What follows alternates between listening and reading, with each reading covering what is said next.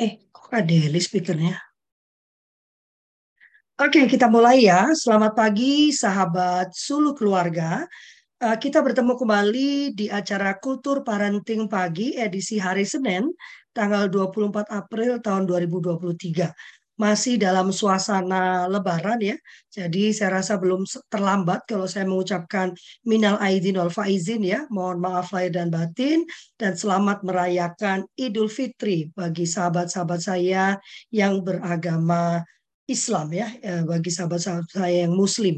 Ini saya sudah rapi sekali di pagi hari karena setelah ini saya harus mengunjungi uh, apa tetua-tetua yang muslim gitu karena tradisi keluarga mengunjungi mewakili ayah saya yang sudah almarhum. Dan pagi ini Kak Philip ini agak melenceng dikit dari apa yang biasa dia uh, pagu ya, yang biasa dia sampaikan ya. Tapi saya memang sengaja memilih Kak Philip untuk topik yang ini karena lewat pemahaman uh, empathetic living-nya ya kan Kak Philip ya lewat pemahaman dirinya Kak Philip pasti punya tips-tips ya dan cara-cara jitu bagaimana bertanya menanyakan yang benar dan berta cara bertanya yang benar karena rupanya Kak Philips dengan uh, adanya chat GPT dan segala macamnya itu keterampilan bertanya menjadi sangat penting gitu kak ya uh, hmm. karena kalau hmm. walaupun banyak tools AI yang kita miliki kalau kita tidak pandai promptunya itu enggak gitu ya cara hmm. bertanya itu enggak tepat gitu maka kita tidak mendapatkan keluasan seperti yang seharusnya kita dapatkan jadi pagi ini uh, bagian dari skill kuadran uh, adalah bagaimana keterampilan bertanya silakan kak Philip Terima kasih Kak Lovely. Bertanya ya, uh, waktu Lovely mengajukan tema ini saya juga bingung. Ini bertanya yang model bagaimana ini? Apakah ini, apalagi ini dalam konteks Lebaran ya, tanggalnya tanggal setelah Lebaran persis. Apakah ini termasuk pertanyaan pertanyaan-pertanyaan seperti sudah nikah apa belum? Terus berat badannya kok kayak naik? Kayak gitu-gitu itu itu termasuk dalam kategori bertanya yang baik dan benar atau belum itu. Nah, nanti kita bahas bersama-sama. Cuman memang uh, kalau untuk sampai ke chat GPT sih belum ya. Kita kita coba lihat dalam hubungan antar manusianya dulu, baru nanti kita lihat bagaimana lebih dalamnya. Oke, okay. uh, saya share sedikit. Oke, okay. nah kalau dalam kerangka uh, empathic living dibilang Kak Lovely tadi itu memang bertanya ini adalah bagian dari investasi dalam hubungan ya. Itu yang pertama. Karena ini buka jalan istilahnya. Sama seperti kalau umpamanya kita ambil bahasa AI-nya, AI itu tidak akan belajar kalau nggak ada pertanyaan. Itu. Manusia juga hampir seperti itu. Kalau nggak ada pertanyaan, nggak akan ada hubungan. Itu dulu. Jadi uh, mungkin memang pertanyaan pertanyaan-pertanyaan seperti seperti yang saya sebut tadi contohnya, yang bahasa basi super basi tadi itu, itu memang uh, sepertinya menyebalkan, sepertinya menyakitkan kadang-kadang, apalagi kalau pertanyaan sudah menyangkut berat badan ya Lovely ya. kok kelihatan kurus, kok kelihatan gemuk, gitu. Itu uh, apa namanya? Bahasa basi. Memang bahasa basi yang basi banget. Cuman niat dibalik itu adalah membuka hubungan. Cuman memang karena keterampilan bertanyanya nggak ada, akhirnya jadi modelnya nyinyir. Yang nikah belum nikah, belum punya pacar, kerjaan gimana, segala macam gitu ya. Nah itu itu kan pertanyaan standar ya kayaknya sudah apa namanya selama lebar hari-hari lebaran ini banyak banyak terdengar dan banyak dikeluhkan gitu ya pasti. Nah, ini makanya yang basa-basi banget tadi. Tapi memang di balik itu niatnya adalah membuka hubungan. Karena apa? Tanpa pertanyaan ini nggak ada apa istilahnya, nggak ada koneksinya sama sekali. Bayangkan kalau konkret aja lah, Tadi Lovely menyatakan uh, apa namanya nanti mau ketemuan sama keluarga dalam setahun kira-kira ketemuan sama keluarganya berapa kali? Atau minimal punya urusan deh pernah nelpon berapa kali? Paling ya cuma hari raya ini doang kan. Jadi memang eh, kadang-kadang kita mati-matian berusaha menciptakan hubungan itu, tapi kadang-kadang juga jadi desperate gitu ya.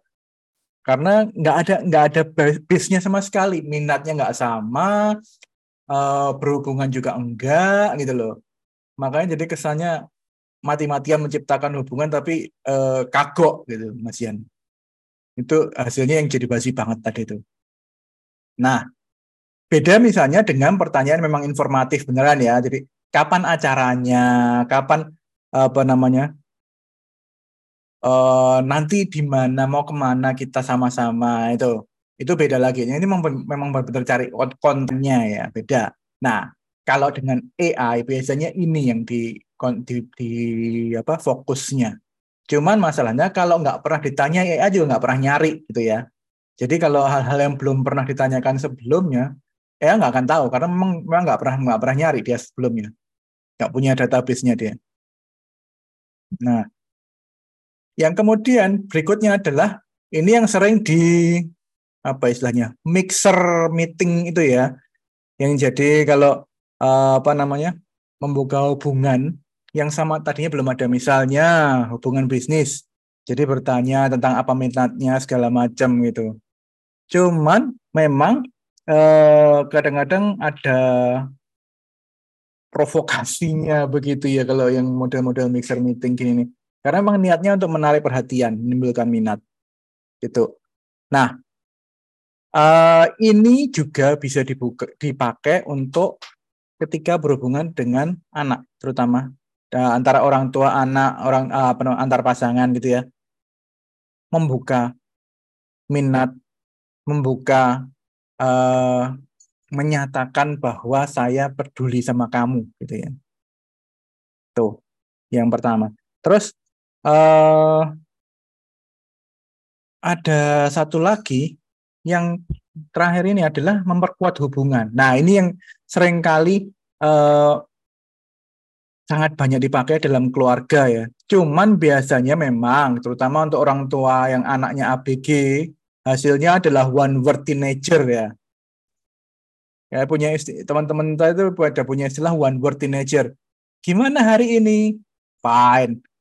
Terus uh, tadi gimana di sekolah? Mediocre.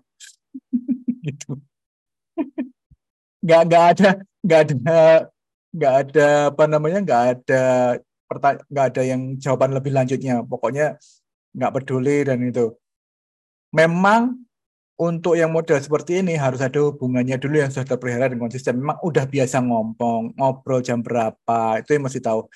Seperti yang contohnya remaja tadi, ada kemarin kebetulan di Instagram saya lihat ada videonya uh, jadi anaknya datang dari sekolah, ditanya aja modelnya gitu, fine, nothing happen gitu ya. Terus, tapi begitu ibunya mau tidur, anaknya ganti ngoceh, oh tadi itu di sekolah tuh gitu. Ternyata memang jam ngomongnya anaknya itu adalah malam.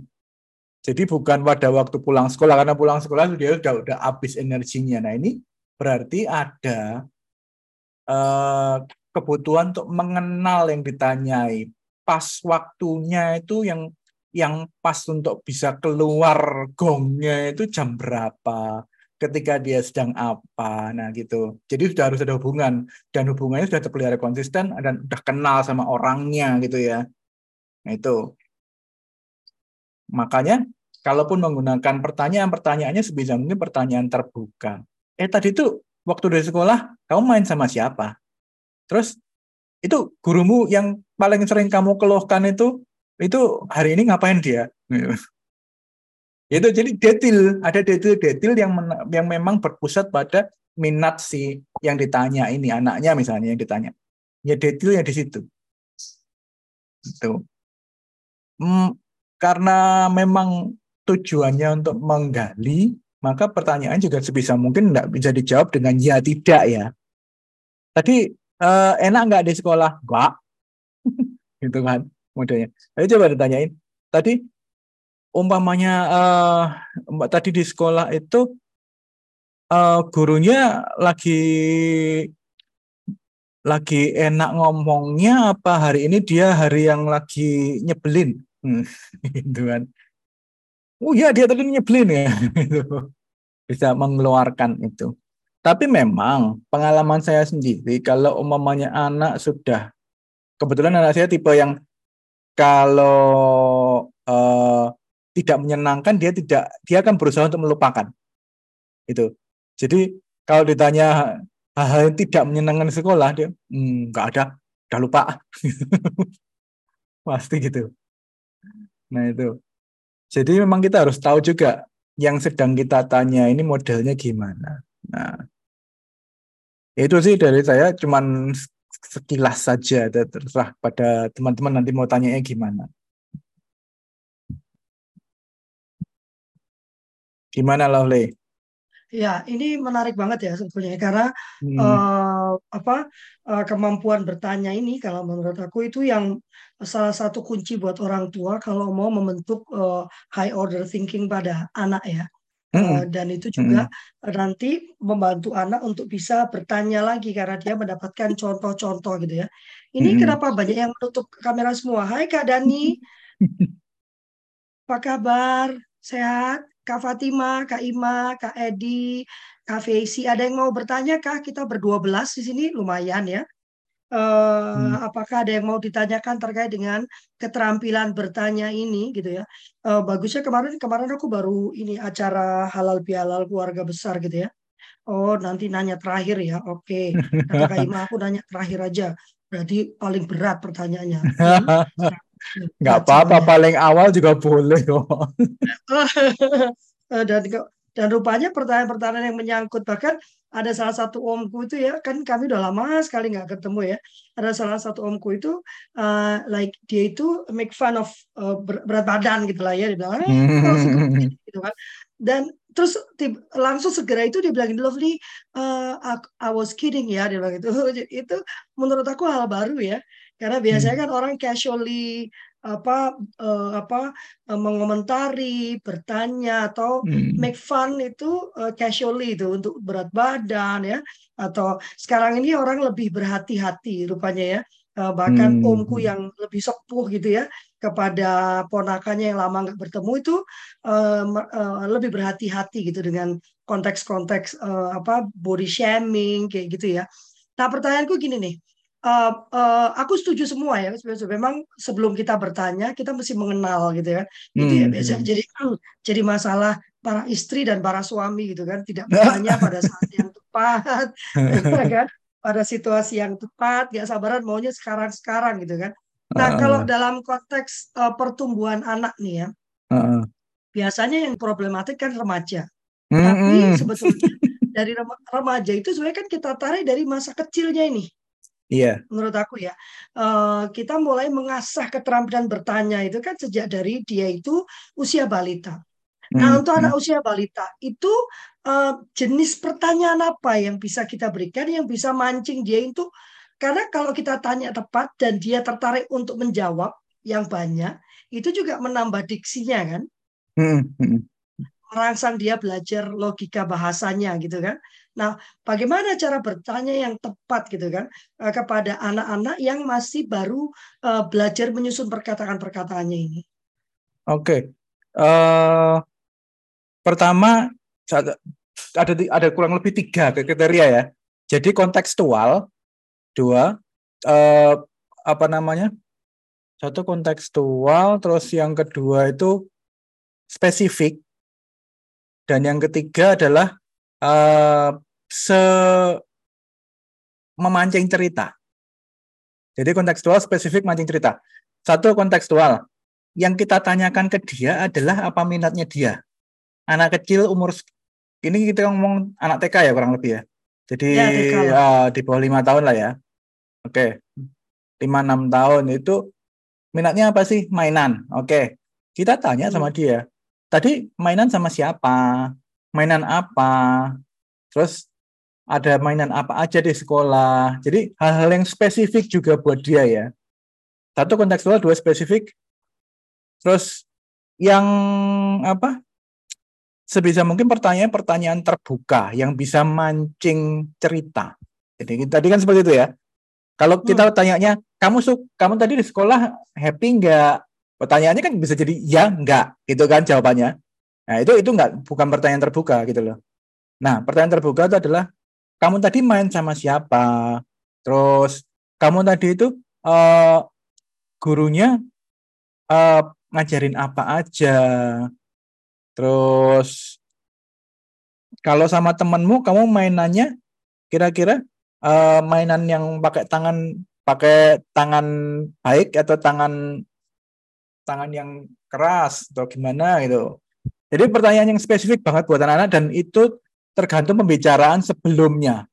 Kalau dia sudah biasa diajarin tentang uh, yang itu ya lagu yang This Little Hand What Can, What Can They Do itu loh. Jadi yang apa tangan kecilku bisa apa, tanganku bisa berjabat tangan segala macam. Nah itu dia kan uh, akan cenderung untuk mengukur dirinya berdasarkan lagu itu misalnya. Itu. Nah, ya berarti satu kontekstual dalam pembicaraan sebelumnya bagaimana, terus spesifik kejadiannya bagaimana, terus minatnya dia bagaimana. Itu. Dan dia kan uh, kalau anak kecil kan misalnya kalau pertanyaan kita terbuka banget, dia juga bingung menjawabnya kan. Makanya hmm. harus sangat spesifik. Harus nah, spesifik bertumbuh nih anak kan bertumbuh nih anak kan uh, anak-anak kalau udah masuk usia 10 11 tuh uh, dia tidak suka pertanyaan-pertanyaan yang bersifatnya tuh menyelidik gitu kan yang, uh, yang kayak mama apa sih kepo amat gitu kan. Nah hmm. bagaimana kemudian kita mengubah bentuk pertanyaan itu sejalan dengan uh, pertumbuhan anak gitu. Untuk anak umur 11 pasti beda dong dengan cara nanya anak umur dan pertanyaan apa sih yang sebaiknya kita ajukan mem yang membuat anak itu bisa terbuka gitu. Dulu tuh permasalahan utamaku tuh ya uh, dan aku agak-agak uh, agak-agak tidak terlalu berhasil dengan Deli nih Kak Deli nih ya. Uh, karena yang aku yang aku bayangkan tuh kan begitu dia masuk remaja permasalahan dia akan makin kompleks sih kan mm-hmm. sehingga kalau tidak dari sejak awal aku membiasakan keterbukaan gitu aku mikirnya gitu ya mm. nanti pada saat dia masuk remaja akan makin sulit aku gitu kan uh, sudah makin kompleks, dia makin masuk dalam dirinya, nggak nggak hmm. terlalu percaya kepada orang tuanya gitu kan, dan dia tidak terbiasa terbuka gitu kan. Nah, hmm. bagaimana kita uh, kita itu belajar mengajukan pertanyaan sejak awal yang memancing keterbukaan bahkan sampai kata remaja awal itu kan umur 9 10 tahun tuh ya, udah mulai nih agak-agak tutup menutup nih sama orang tua nih 10 tahun, hmm. 11 tahun hmm. kan Nah, bagaimana kita mengubah pertanyaan kita itu supaya nanti sampai 17 18 dia masih bisa tetap terbuka gitu. Angel ya pertanyaannya ya. Uh, Karena itu sangat sangat tailor made untuk tiap anak ya. Artinya nah, gini. Tapi, bisa dong dikasih itunya apa? Clue-clue bisa. gitu ya. Yang hmm. yang paling pertama adalah masuk ke dunia dia. Jadi jangan jangan mulai dari dunia kita. Yang kita anggap penting itu belum tentu dianggap penting bagi anak-anak. Oke, okay. itu dulu. Oke, okay. terutama remaja. Uh, apalagi remaja yang lagi ABG yang awal gitu yang saya bukan orang tua saya prinsipnya kan itu ya benderanya. Nah, itu uh, itu sangat-sangat apa yang kita anggap penting dianggap nggak penting sama anak-anak gitu kan. Itu. Jadi yang kita mulai tanyakan adalah yang dia anggap penting. Itu. Jadi katakan kalau bagi dia penting adalah misalnya basketnya main basket atau kalau yang itu, itu untuk anak yang berorientasi fisik ya atau misalnya klub caturnya. Terus apa misalnya klub uh, bike ridingnya atau apa. Itu yang itu yang kita tanya dulu dari situ bisa melebar ke mana-mana gitu ya. Tapi yang pertama adalah minatnya dia. Jadi customize banget ini harusan memang jadi uh, syarat mengenal itu nggak bisa di nggak uh, bisa eh, nggak uh, bisa diloncati itu harus. Mengenal yes. anak saat ini tahapannya sedang ada di mana apa yang sedang disukai itu wajib. Wajib oke. Okay. uh. Kak Ima tadi sudah mengangkat tangan. Kak Ima udah siap bertanya? Uh, sound check love. Dengar ya? Ya. Pagi. Pagi. Semua. Uh, aku mau nanya tadi kan ada menanyakan hal yang dia sukain kan. Hmm. Nah, kalau yang hal yang dia sukain itu lebih mengarah ke apa ya? Nah, kalau umur 9 sampai 12 itu kan main ya. Main hmm. terus game terus hmm. mungkin dia suka Roblox, yes. Roblox, oke. Okay. Uh. Kalau itu anakku aku, masih Minecraft. Uh, Minecraft, ya itu gimana sih cara kita untuk supaya menggiring apa ya minatnya dia menjadi hal-hal yang berguna gitu karena hmm. siapa sih hari ini yang senang sekolah kayaknya nggak ada ya Nah, sekolah sekolah angel sekolah tuh kayaknya nggak ada banget gitu gimana kak? Kayaknya dari dulu deh. kayaknya aku zaman dulu juga lebih suka naik sepeda daripada sekolah. Iya ya, susah ya. Padahal tuh sekolah anakku tuh sekolah semi homeschooling nggak, karena aku nggak percaya hmm. mereka yang sekolah apa sih namanya formal gitu, apa terlalu hmm. terlalu banyak ya kan. Mestinya dengan load yang yang saat ini tuh load sangat mudah, tetapi masih mereka nggak suka gitu. Hmm. Gimana ya kak ya? Uh, ini pertanyaan yang susah. Karena ya, dalam prakteknya aku sendiri juga sedang masih berproses ya untuk itu menarik minat anak.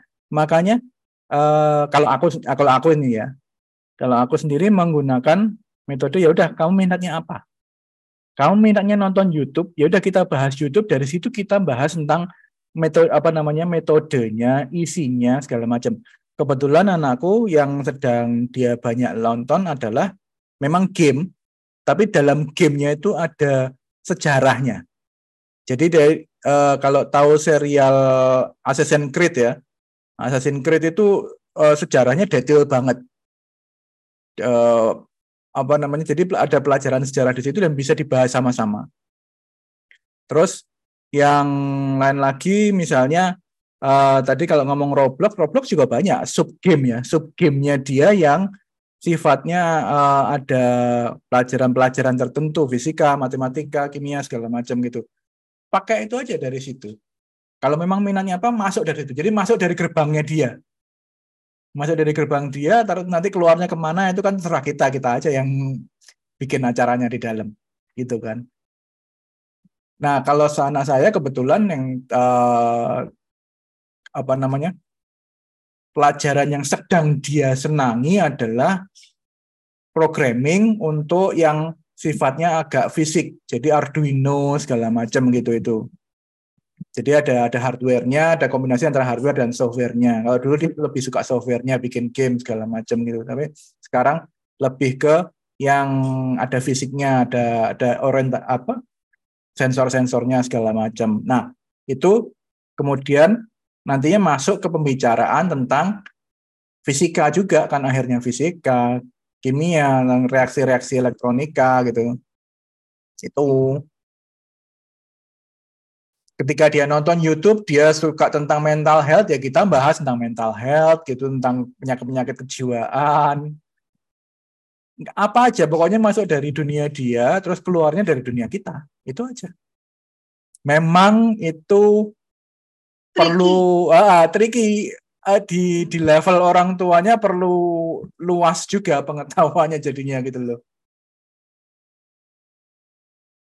Gitu. Perlu perlu pintar membelokkan. Tapi kalau nah. menurut aku ya Kak Kak Philip ya, sebagai uh. orang tua juga kita perlu mengubah apa ya? Aku sering pakai kata topi ya, topi kita sendiri ya adalah hmm. melihat paradigma melihat pendidikan. Aku lagi mencoba menuliskan uh, metode belajarku ya si cari tahu ya dan hmm. salah satu yang menjadi yang aku temukan waktu mulai anak-anak tuh homeschooling adalah paradigma berpikirku sendiri yang harus aku bongkar benar gitu kan paradigma yeah. berpikirku tentang mendidik tentang pendidikan tentang hmm. pengetahuan itu aku harus aku sendiri yang harus bongkar habis-habisan gitu sehingga ujung-ujungnya uh, itu tadi aku bisa mengaitkan semua kegiatan ke dalam uh, quote unquote pengetahuan gitu. Uh, target-target uh, pengetahuan uh, itu. Tapi kalau uh, kalau paradigma berpikirku masih uh, seperti paradigma berpikir lama yang memerlukan kotak-kotak itu ya. Sekarang yeah. waktunya belajar biologi, sekarang waktunya belajar itu kan ada kotak-kotaknya ya. Maka uh, melihat kayak tadi kamu melihat game gitu kan, Uh, akan sulit melihat game itu sebagai oh ya ini pelajaran sejarah ya dari sejarah oh ya sejarah itu ada geografi ada biologinya ada fisikanya oh ada ternyata matematika pun bisa terhitung di situ gitu kan bisa masuk hmm. gitu karena uh, tapi kalau kita masih dia belum belajar biologi loh gitu kan. Tapi dia hmm. belum belajar geografi nih atau ikut uh, struktur kurikulum yang sangat ketat itu kan kalau sekarang kan udah nggak terlalu ketat ya yang ketat hmm. itu kelas satu ini harus diketahui matematikanya ini bahasa Indonesia hmm. ini ya itu kan hmm. tanpa sadar kita nggak boleh nih anak harus ini dulu habis itu dia nggak boleh ber apa ya berkelana gitu ke mana dia mau kan nah itu dia kadang gini loh jalur dalam arti memahami jalurnya anak, jalur perkembangannya anak. Kadang kalau kita mau pakai frameworknya sekolah, ya memang nggak bisa gitu loh. Wong anak minatnya ke sini, terus dia bisa loncat jauh banget sampai ke level universitas gitu loh. Tapi di, di pengetahuan lain dia memang nggak nggak sampai di situ, nggak di levelnya dia gitu loh malah, malah di bawahnya mungkin. Tapi di satu sisi mungkin di di yang tempat dia minat dia bisa loncat jauh banget gitu loh. Nah itu yang uh, menyes orang tuanya yang mesti menyesuaikan diri memang di situ. Iya ya. Mengubah paradigma ya. Ah, mengubah paradigma bahwa uh, semuanya itu harus sesuai dengan kurikulum, sesuai dengan framework. Lah manusia di framework itu ya bisa sih, tapi lo ada bisa sih, tapi lo selalu ada catatannya itu loh. Pasnya itu. Ini Pak Edi membuka kamera, ada yang mau ditanyakan Kak Edi? Belum, belum. Pendengar yang baik aja. Oh, siap, terima kasih Kak Edi. Ya itu menarik banget gitu. Apa yang disampaikan Kak Ima itu menarik sekali gitu. Karena memang uh, perjuangan kita sekarang itu kan bagaimana menjaga minat anak ya minat hmm. anak, terutama uh, dalam konteks uh, pembelajaran ya. Kita tidak usah ngomong persekolahan lah ya, karena hmm. sekarang kan persekolahan itu di apa dipahaminya terlalu kaku ya. Padahal lewat kurikulum merdeka sendiri, walaupun saya juga bingung ya, uh, kurikulum merdeka itu kan uh, me, me, konsepnya adalah belajar dari titik di mana dia berada. Hmm. Ya, kalau anaknya 48 titiknya macam-macam kan guru juga bingung ya. Jadi memang harus ada nah, revolusi cara mengajarnya juga ya supaya uh, kurikulum merdeka itu bisa diterapkan dengan baik. Kalau anakku cuma dua kan belajar dari titiknya ya gampang ya cuma dua ya. Tapi kalau hmm. ada 48 anak ya di dalam satu kelas ya pusing. pusing juga ya. Artinya memberi beban yang nggak perlu untuk para guru juga ya. Hmm. Jadi mungkin ya harusnya persekolahan tuh meniru non formal mungkin di sekolahnya sebentar aja gitu, cuman memberikan apa ya dasar-dasar pengetahuannya ya. Jadi hmm. rumus-rumusnya itu didapat dari sekolah, kemudian dia diberi waktu yang seluas-luasnya untuk mencoba mempraktekkan keilmuan yang dia dapat gitu kan ya. Eksplorasi, mencoba, ini ini kita belum ngomong tentang model pembelajarnya loh ya, yang visual iya. auditory kinestetik. Ah, iya. Nah, itu itu itu belum ngitung-ngitungnya. Iya. Ah. Belum lagi sembilan kecerdasan majemuknya. Wah, banyak nah, makanya. Kalau kita sudah mulai ngomong Gardner ya mau daro gitu. Iya. Ada variabelnya kebanyakan jadinya kalau untuk sekolah. Iya, untuk sekolah, benar. Jadi hmm. sementara kalau kita kita bisa memakai semua variabel itu dilihat untuk satu Kalau di dalam kita. konteks keluarga, iya karena anaknya sedikit. Iya, eh kalau hmm. anaknya dia 10 kamu jangan ngomong sedikit dong. Oh buat iya iya baiklah yang buat yang anaknya dua atau tiga nah. itu masih mungkin. Tapi kalau saat keluarga 10 ya selamat toh gitu juga. Nah, iya. Jangan gitu kau. Iya, uh, ada lagi yang mau bertanya kah? Nanti jadi diskusi antara Lovely dan Philip nanti ini. Kak Ana sudah bisa menyambung belum? Kak Irwan, minal aidin wal faizin, kakakku yang paling baik ini. Mana dia? Woi, udah sampai rumah? Udah kenyang? Alhamdulillah. belum puasa lagi. oh, ya belum lah. Mestinya kapan mulai? Oh, hari ini ya?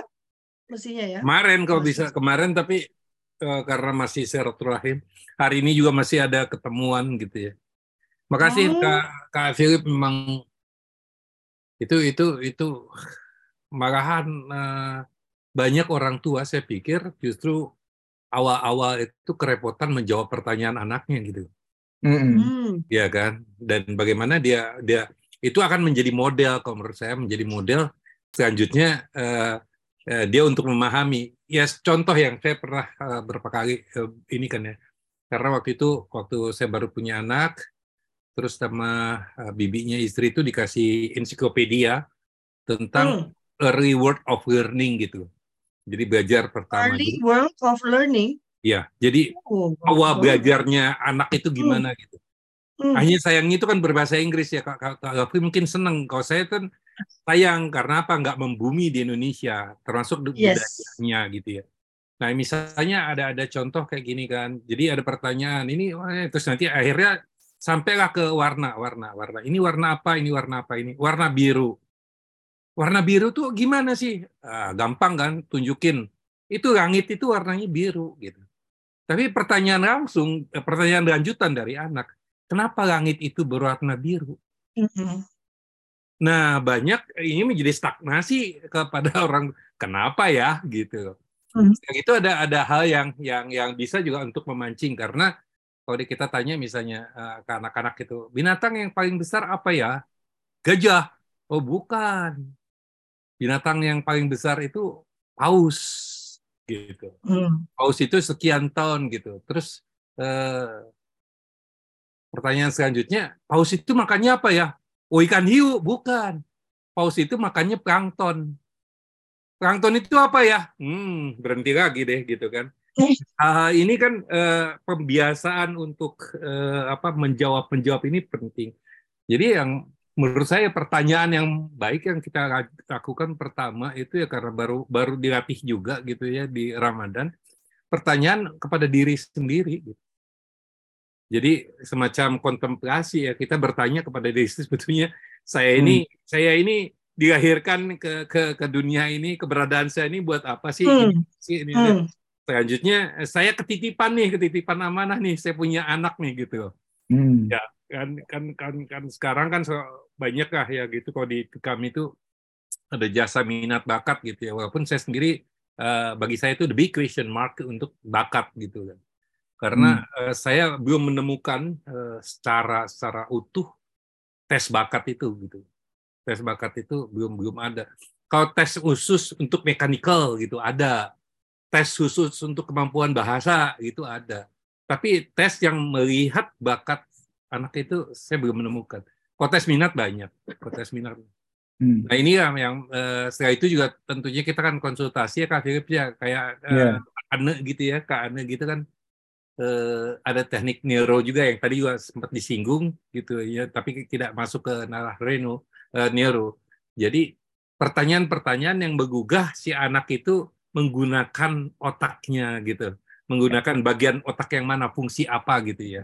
Hmm ya seperti gini aja kan uh, uh, mungkin pada saat mahasiswa aja saya pernah di forum uh, guru besar uh, suatu suatu perguruan tinggi yang terkenal gitu kan ya saya bilang uh, mohon maaf ini bahasa ininya bahasa bahasa jalanannya. Ini cap pantat doang nih kata saya kan. Itu tamatan ini tap, tamatan ini gitu. Tapi kenapa? Karena begitu tamat saya mau kerja di mana ya? Bukan saya mau kerjain apa ya gitu. Tapi saya kerja di mana ya gitu ya.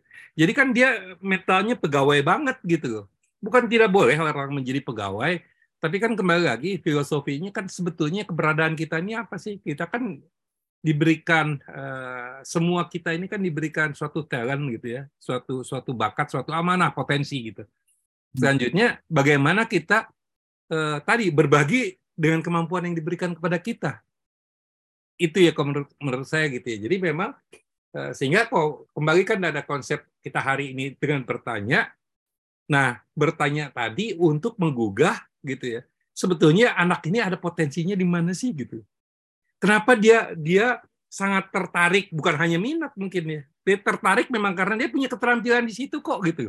Ya, ya kan? Jadi bukan karena dia hmm. minat di situ. Orang nggak nggak ada kok sesuatu dia semacam uh, eksplorasi kok mencari sesuatu gitu.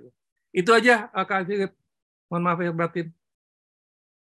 Makasih Kak Irwan.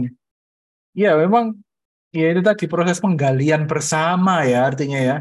Ketika pertanyaan tadi apa tadi? Kenapa langit biru segala macam. Nah itu membuka jalan untuk belajar bersama kan jadinya. Nah itu yang aku rasa proses yang paling besarnya dalam keluarga di situ bukan bukan menjadikan orang tua jadi sumber jadi ensiklopedinya tapi lebih ke oke okay, kita cari sama-sama yuk. Kayak apa sih gambarnya? Perbandingan misalnya antara gajah sama ikan paus itu perbandingannya seberapa sih? Kayak apa sih konteksnya gitu? Gedenya seberapa? Kalau kalau segede gitu berarti mesti makannya berapa kilo ya seharinya ya? Nah itu. Itu matematika. Amat biologi matematika itu yes. segala macam masuk di situ kan? Yes. nah tapi di situ kan juga ada proses untuk uh, kalau istilahku sih kemampuan untuk searching ya, kemampuan untuk hmm. bertanya dengan mencari di database gitu prom uh, ya tadi AI prom tadi itu. Hmm. Tapi itu juga menjadi proses bersama untuk bertumbuh di dalam keluarga gitu loh. Jadi bareng-bareng, yuk kita cari bareng-bareng gimana gitu loh. Aku juga dengan anakku sih juga gitu. Oke, okay, kamu perlu YouTube yang kayak apa? Uh, perta- uh, kamu pengen tahu apa? Oh, kalau kalau yang gitu kurang lebih pertanyaannya begini. Kalau kamu nyarinya begini, kamu dapatnya yang ini nanti. Nah, jadi, jadi kurang lebih bisa mem memformulasikan pertanyaan yang tepat hmm. untuk promnya gimana. Tapi masalahnya kalau umumnya tidak tahu konteksnya, nah itu yang makanya kita kita kasih tahu ke anak kan konteksnya. -hmm. Katakan misalnya pertanyaan, oke okay, kamu pengen tahu tentang ini. Katakan misalnya tentang ikan paus tadi ya. Oke, uh, nyarinya juga jangan di apa namanya di misalnya uh, pertanyaannya bukan ikan paus itu gedenya seberapa, tapi coba bandingkan uh, gajah sama ikan paus makannya lebih banyak mana gitu loh. Jadi yang yang sesuatu yang lebih spesifik pertanyaannya karena nanti menimbulkan jawaban yang beda juga. Gitu Memang ya menanyai orang dengan menanyai mesin itu beda. itu yang perlu yeah. di, yeah. perlu digaris bawah juga itu. Tapi satu yang menarik sebetulnya Kak, Kak tadi Kak Irwan bilang kan, hmm. di awal tuh kita kerepotan menjawab. Hmm. Nah, sehingga uh, judul ber berikutnya uh, pada waktu kemudian anak itu tidak lagi bertanya gitu ya Kak Irwan ya kita kehilangan kemampuan kita untuk bertanya gitu karena kebiasaannya jawab gitu. Hmm. ini ini ada ada teman saya nih uh, certified coach nih oh. Geraldine. Hmm. Oh, hai Kak Geraldine. Kak Dince, Kak Dince, sok dong berbagi. Uh, kan kalau coach konselor ini kan ada oh, teknik iya. bertanya gitu kan. Iya. Kemampuan bertanya kudu canggih. Ayo. Kak Dince. Kayaknya Kak Dince sedang sambil ini, sambil dibuka, sarapan. Dibuka mic-nya. Sambil nunggu Kak Dince membuka mic. Kak Dince ini yang Kak Geraldine ini kan? Iya, betul. Oh, nanti aku salah pagi, lihat pagi. ya. Nah, itu pagi. Itu namanya pagi katanya. Pagi Kak, De Kak Dince. Oh. Sorry, pagi. Sorry, aku nggak buka video ya. Nggak apa-apa Kak. Buka suara aja. Soalnya, soalnya biasa masih masih masih kostum malam, masih kostum malam. Pagian ya kak ya? Hah?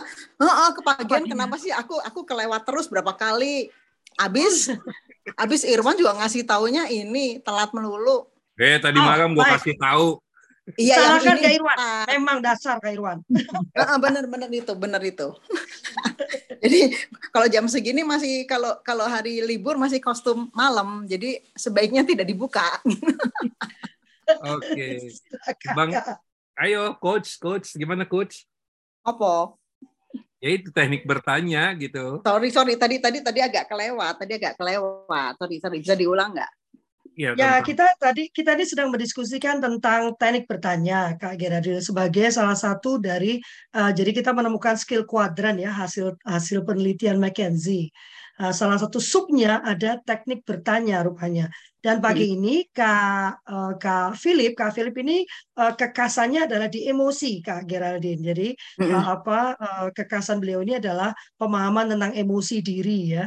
Nah, hmm. dia membawa kemampuan bertanya ini kepada interpersonal relationship ya inter hmm. bagaimana kita bertanya pada seseorang dan bagaimana kita membangun hubungan karena menurut beliau bertanya itu adalah pintu gerbang dalam membangun hubungan gitu ya Kak Philip ya kira-kira ya yep. tadi ya yang disampaikan ya nah Kak Geraldine sebagai personal uh, professional coach ini kan. Saya tahu kalau coach ini saya kenapa gagal terus jadi coach karena ini nggak tahan menjawab gitu ya. Nah, bagaimana sebetulnya uh, ke, ke apa uh, cara bertanya yang paling benar yang terutama bagi anak-anak kepada anak-anak kita untuk mancing dia menggunakan otaknya dan perasaannya juga. Baik, ya? aku aku coba sharing se yang yang aku tahu aja ya gitu ya. Jadi actually I'm not nggak nggak expert banget loh ya cuman kan based on my experience waktu um, melakukan biasanya coaching. kalau ngomongnya nggak expert banget tuh justru sangat expert biasanya. Enggak lah. Ini ini kalau ini kalau ini kalau ini ini anas ini anas gitu. Jadi kalau di aku belajar uh, teknik bertanya itu di coaching ya. Kalau di coaching itu kan satu yang yang perlu kita yang perlu kita sampaikan bahwa kalau kita mau bertanya kita harus memposisikan dulu setara dulu ya setara. Gitu ya. Jadi bukan walaupun uh, walaupun uh, as a parents ya atau kalau kita melakukan coaching itu berarti kita setara dulu kalau kita udah setara kita sudah ngomong ke ini bahwa oke okay, kita setara ini ya jadi uh, yang yang kita tanya itu dia akan dengan free akan menjawab gitu. Tapi kalau belum apa-apa kita memposisikan sebagai seseorang yang senior atau lebih di atasnya, itu ada satu kendala dalam menjawab. Tapi kalau kita setara, oke, okay, even even itu dengan anak ya, tapi oke okay, kita berteman ya, gitu, itu akan lebih akan lebih apa? Akan lebih terbuka. Jadi pertama kali itu kita memposisikan dulu setara. Kemudian dalam bertanya juga jangan uh, nada dan ini jadi betul-betul kita bertanya yang netral ya. Jadi jangan-jangan ada intonasi uh, ada kayak suggestion, intonasi apa apa namanya kayak akan memerintah, menanya kayak interogasi enggak. Jadi itu mungkin teknik yang akan lebih uh, bermanfaat kita mendapatkan jawaban yang yang kita harapkan lah gitu. Itu mungkin yang yang menurut saya yang basic pertama kali itu dulu gitu. Jadi dari cara kita bertanya jangan kayak ada uh, interogasi, jangan kayak ada suggestion, jangan kayak ada kayak kita memberikan konsul. Betul-betul kita setara dan kita betul-betul kita hanya mendapatkan ingin mendapatkan jawaban dari mereka apa adanya yang mereka tahu gitu. Mungkin itu sedikit pengalaman yang saya dapatkan. Timpali, timpali Kak Philip. Eh, aku tahu kau udah eager mau menimpali. Silakan. Nah, kelihatan dari wajahmu. Enggak lah. Ya benar memang uh, posisinya mesti jelas dulu. Ini mau setara, mau sebagai orang tua, mau uh, mau sebagai apa? Karena yang jelas kalau mamanya di Asia kecenderungannya itu adalah mengkuliahi. Nah itu uh, ya, betul. insting pertamanya itu kan adalah pitutur. Padahal itu yang paling sebisa mungkin dihindari dalam proses komunikasi itu. Nah, itu tutur-tutur itu ada waktunya sendiri nanti. Tapi kalau untuk ketika membangun hubungan jangan dipakai.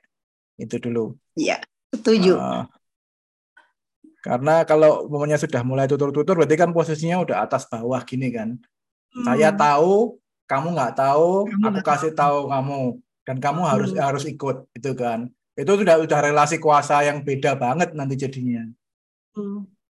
Tapi ketika ketika memang diambil setara bertanya, nah itu beda lagi. Gitu.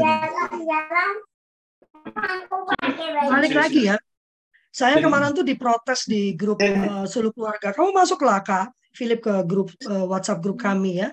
Sudah ada 300 orang di dalam WhatsApp grup itu. Uh, saya kemarin diprotes uh, uh, tentang uh, apa apa ya kemarin Kak Irwan ya uh, bahwa uh, se posisi sejajar itu tadi loh Kak. Kak uh, oh enggak, hmm. saya mengatakan bahwa parenting itu bukan lagi sebuah insting gitu. Uh, kepengasuhan itu seharusnya tidak lagi dilihat sebagai sesuatu yang naluriah gitu ya, hmm, hmm. tetapi dilihat sebagai satu proses keilmuan. Jadi ini ilmu tersendiri gitu. Uh, hmm. Saya diprotes waktu itu karena, nah itu tadi saya sepakat dengan kak, kak eh, eh, dari perbincangan kita selama ini hampir tiga tahun ini Hmm. Saya rasa itu makin makin mengerucutkan gitu loh.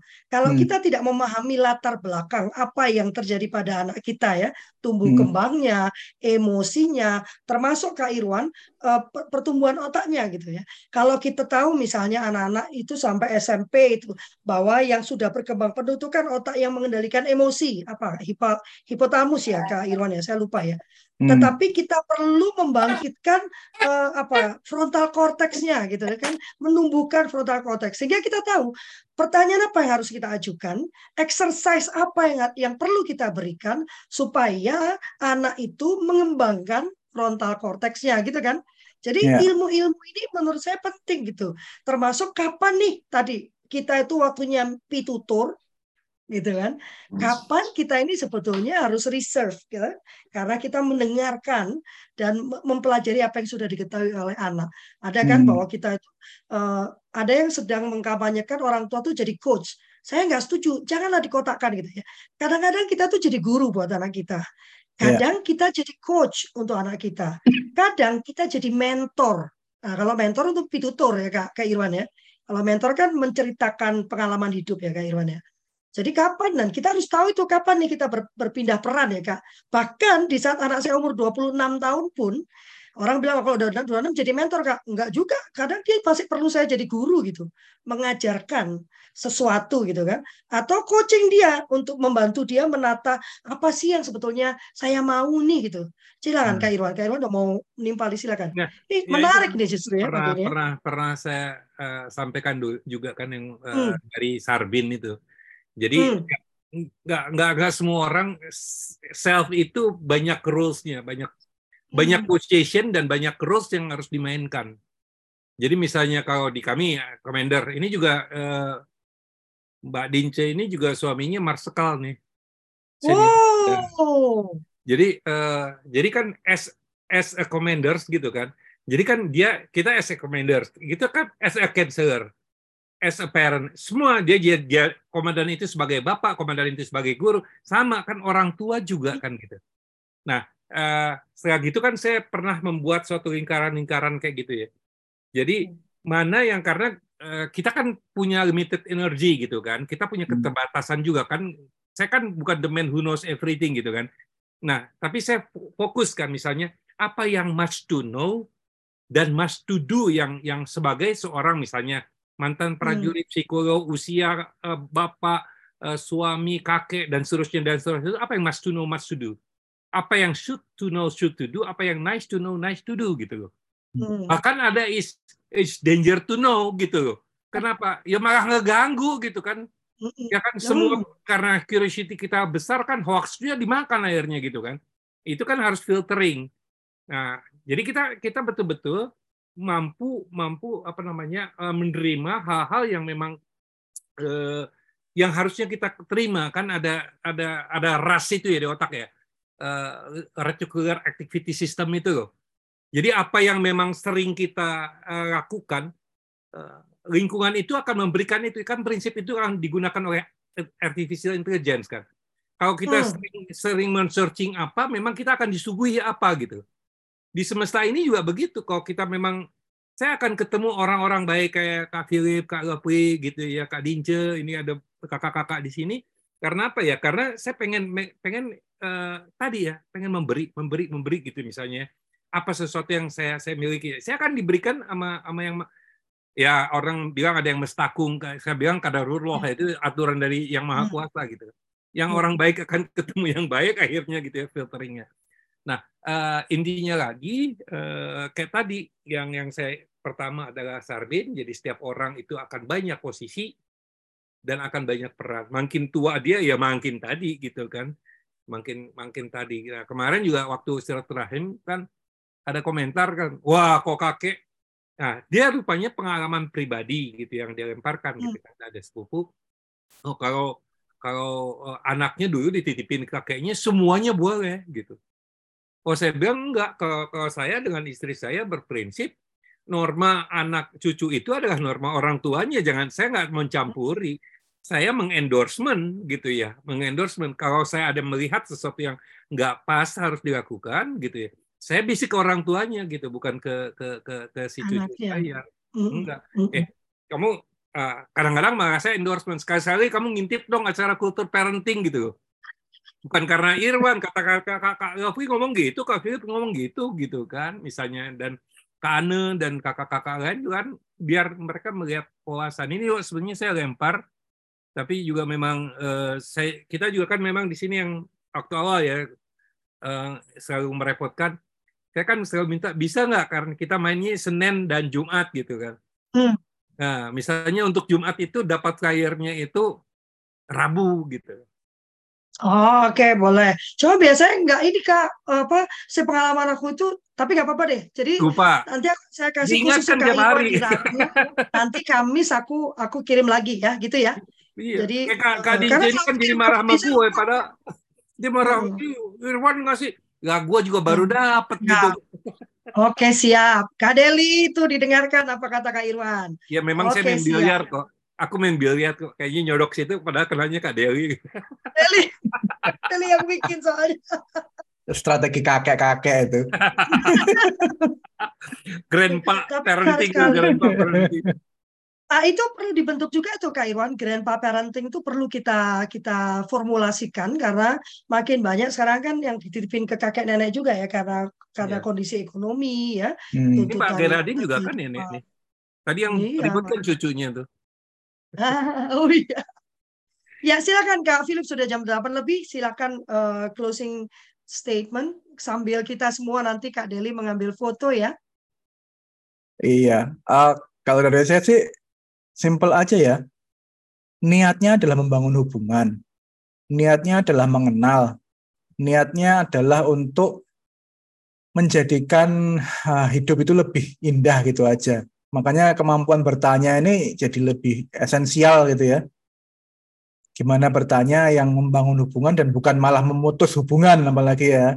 Seperti pertanyaan-pertanyaan basi-basi yang sering kalau waktu hari raya itu. itu itu aja deh. Gimana Terima kabarnya kasih. dibandingin dengan apa jawaban? Oh, bandingin sama sesepupu sepupunya. Kamu kamu kamu kerjanya kok cuman ini aja kayak nggak nggak punya kerjaan tetap gitu. Kayak kemarin itu aku juga ngumpul gitu. Ini anaknya tante ini gitu kan. Hmm. e, kerjanya di mana kamu gitu. Waduh deg-degan nyampe ke aku. Kerjanya apa? Ya apa aja lah. Saya kalau ditanya kalau pagi kalau free kakak-kakak semuanya. Ya Kak Fauzia. Oh ada yang mau disampaikan silakan deh. Kak Kak Kak uh, Philip masih ada waktu ya? Okay. Masih. Oke, okay, silakan silakan Kak Fauzia. Makasih kalau free kakak-kakak yang lain yang nggak bisa aku sebutin satu-satu. Yang aku terima sih tadi kan masalah materi uh, pembandingan anak ya. Ya kadang kan emang suka ada yang membanding-bandingkan dari keluarga misalnya nih si ini prestasinya seperti ini seperti ini seperti ini nah kita uh, pendalaman lagi ke si anak sendiri ya dari diri kita sendiri gitu loh. Kita harus mendekatkan lebih lanjut. Uh, kamu motivasi kita harus memberikan motivasi ke anak-anak kita. Uh, kamu bisa semangat dan kamu bisa jadi seperti dia, ya tunjukkan apa yang kamu bisa seperti itu kalau Fli. Dan kebetulan kan saya juga punya umur anak yang lima tahun nih kalau Fli kebetulan sekolahnya juga di TK ya nah kebetulan juga dia sering teman-temannya itu suka ada yang membuli gitu terus nanti dia pulang ke rumah mami mami kenapa bully itu Nggak boleh kan? Nggak boleh. Kenapa kak? Iya, tadi temen Cece dibully sama teman-teman Cece. Terus Cece bilang nggak boleh, itu dosa gitu. Harus berteman baik-baik. Nanti kalau membuli uh, ditangkap polisi gitu loh kalau free itu sih yang yang yang saya sudah pernah alami apalagi juga sama anak yang anak saya yang sekarang sudah dewasa gitu sih kak tapi ya alhamdulillahnya ada uh, prestasi yang sudah di tongolkan ke anak-anak gitu. Ada nih prestasinya, jadi membuat keluarga besar, oh iya ya, gitu loh kak. Seperti itu sih kak. Terima kasih untuk semuanya. Ayo kak, ditanggapi ya. Bingung juga nanggepinnya ya. Memang eh, kalau mamanya anak di satu tadi dibully di keluarga ya karena dibanding-bandingin tuh dibanding-bandingin sama sepupu sama semuanya. Apalagi ini dalam konteks hari raya ya, sering kali terjadinya di situ. Nah itu, uh, ya memang pada akhirnya yang orang tuanya yang lebih bisa harus menerangkan tanpa tanpa memutus silaturahmi gitu. Itu yang bahwa memang dibandingkan nggak enak, kita paham, buktikan aja bahwa kamu memang bisa, gitu aja. Nggak perlu diperdulikan. Gitu. Gitu ah, benar. Ya, itu yang aku suka. Nggak perlu diperdulikan ya. Um, hmm. Dibandingkan tuh, membandingkan tuh kan ada lagunya. Wong kok ini kok dibanding. dibanding banding ke. Saing saing ke ya kan.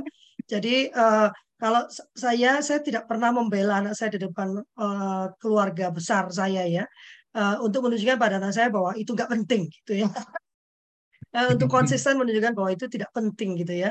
Uh, hmm. Dia biar menjadi dirinya sendiri, bersaing dengan dirinya sendiri karena sebetulnya masing-masing dari kita itu uh, bersaing dengan diri kita sendiri loh sebetulnya ya. Uh, sehingga tidak perlulah kita tambahkan tekanan dengan persaingan dengan orang lain. Yang perlu ditekankan adalah kolaborasi, menghormati, menghargai, bekerja sama, bukan bersaing. Benar nggak Kak Philip ya? Betul itu yang selalu saya coba apa ya yang selalu saya coba tanamkan dan itu sebabnya saya tidak pernah membuat acara lomba-lomba ya karena harus konsisten kan hmm. ya terima kasih banyak kakak-kakak semua luar biasa ya walaupun di hari libur tetap berkumpul. Hari Jumat kita akan ketemu lagi karena Jumat lalu kita libur. Uh, kemungkinan ke Asrila tapi kalau Asri ke Asrila berhalangan ya jangan bosan ya minggu bulan ini banyak lovely yang muncul atau Kak Irwan bisa muncul hari Jumat? Ada waktu? Oh, tidak ada ya bisa ya.